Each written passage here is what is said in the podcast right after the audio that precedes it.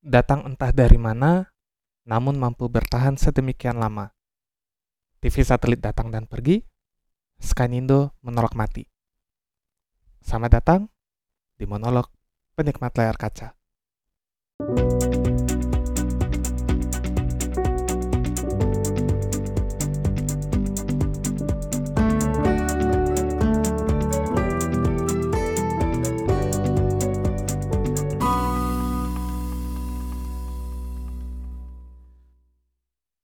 Kalau kita diminta menyebutkan nama-nama TV satelit di tanah air, pasti ada sedikit nama yang terlintas di kepala kita. Entah itu pemain lama seperti MNC Vision atau Transvision, atau yang muncul belakangan seperti K-Vision dan Next Parabola. Belum lagi kalau kita menyebutkan nama-nama TV satelit yang sudah menyerah di tengah persaingan, seperti Astro Nusantara, Aura TV, Sentrin TV, Orange TV, Big TV, sampai Topas TV. Nama-nama yang saya sebutkan barusan hanya mampu bertahan dalam waktu singkat. Bagi kamu yang berada di wilayah pemukiman, seperti di kota-kota besar atau kota-kota menengah, nama-nama yang saya sebutkan tadi mungkin terdengar asing. Memang, TV satelit lebih terdengar di daerah-daerah suburban, di mana TV terestrial agak sulit untuk dinikmati, ataupun di tempat-tempat khusus, seperti hotel, dan sejumlah pusat bisnis. Tapi tahukah kamu, di antara sejumlah nama yang disebutkan di awal tadi, ada satu TV satelit yang mungkin terdengar asing, namun mampu bertahan cukup lama di tengah persaingan TV satelit. Adalah Skynindo, TV satelit yang mampu bertahan lebih dari satu dekade. Berbisnis TV berbayar sejak 2010, Skynindo masih mampu mengudara di tengah sejumlah pemain yang sudah menyerah Perjalanan Skynindo pun sebenarnya tidak mulus-mulus amat. Setidaknya Skynindo harus berpindah satelit sebanyak dua kali.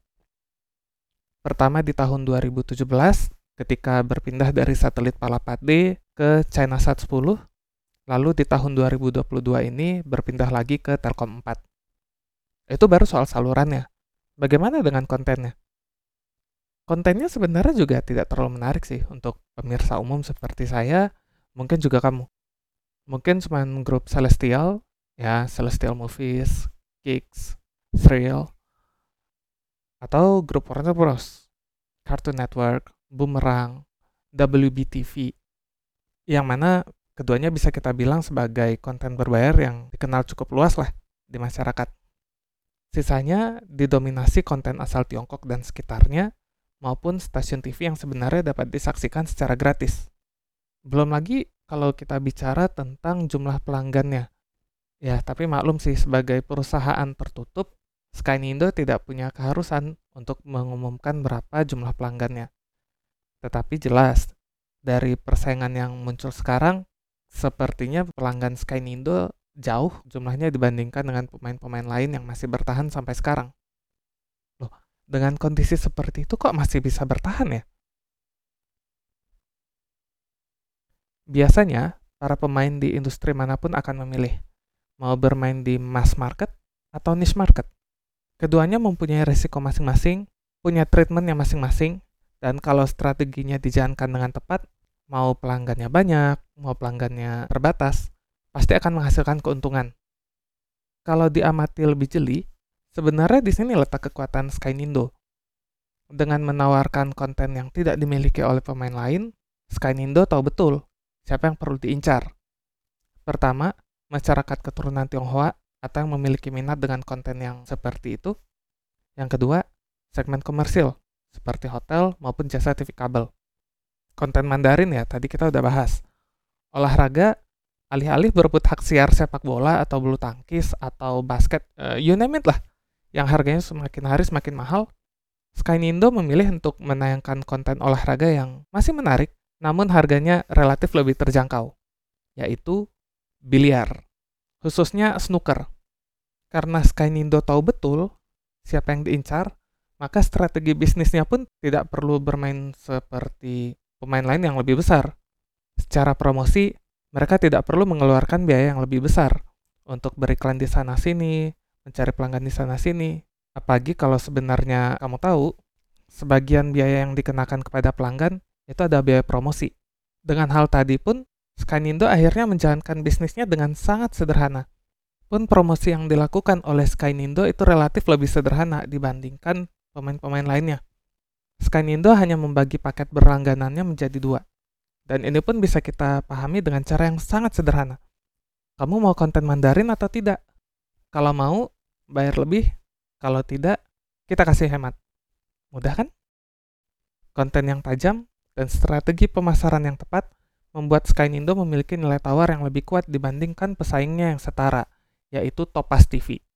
Nama yang saya sebutkan terakhir itu sudah berhenti beroperasi akibat pandemi dan masalah di strategi bisnisnya. Tentu kalau sudah ada pemain yang berhenti, kita akan bicara tentang medan perangnya. Bagaimana dengan medan perangnya? Percaya atau tidak, pemain satelit yang mampu bertahan di tanah air itu bukan pemain yang memiliki modal besar ataupun yang memiliki pemberitaan yang bombastis. Misalnya Orange TV yang promosi jor-joran sebagai TV satelit untuk penikmat olahraga, atau Big TV yang meluncurkan satelit sendiri di awal kehadirannya. Kenyataannya, keduanya tumbang, karena ada satu hal yang belum dimiliki dengan baik. Apa itu? Kita coba lihat pemain-pemain yang masih bertahan sampai sekarang. Kavision itu diakuisisi oleh MNC Group sejak 2019. Next Parabola itu masih bisa bertahan karena sekarang berada di bawah naungan MTech. Ya kalau dulu mungkin orang mengenalnya dengan Matrix TV, tetapi karena ada gugatan dan lain sebagainya, dan Matrix TV perlu mempertahankan dirinya, akhirnya Matrix setuju membuat kongsi usaha dengan MTech dan mengubah nama bisnis TV berbayarnya menjadi Next Parabola. MNC Vision dan Transvision hmm, Hilangkan saja kata vision di belakangnya, kamu akan tahu siapa yang memilikinya. Dari empat pemain yang tersisa tadi, kita bisa pahami bahwa kekuatan induk usaha di bidang media itu menjadi kuncinya. Skanindo pun demikian. Memang di depan terkesannya adem ayem, tetapi di belakangnya itu ada CSTV Group, Chinese Satellite Television, perusahaan telekomunikasi dan multimedia asal Taiwan. Kalau nggak percaya, Coba ya, perhatikan nama perusahaannya. Cipta Skynindo, Chinese Satellite Television. Inisialnya sama ya, CS. Berada seatap dengan konglomerat media membuat separuh masalahnya teratasi, yaitu masa konten dan masa pendanaan. Skynindo mempunyai pasukan konten yang memadai karena bisa mengandalkan dari afiliasinya yang sesama anggota CSTV Group, yaitu Asia Travel dan Sportcast. Lalu bagaimana dengan pendanaannya?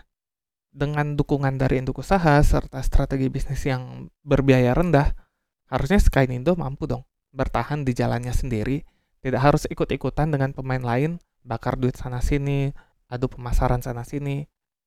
Skynindo sebenarnya mampu dengan jalannya sendiri. Pertanyaannya, sejauh mana Skynindo bisa bertahan?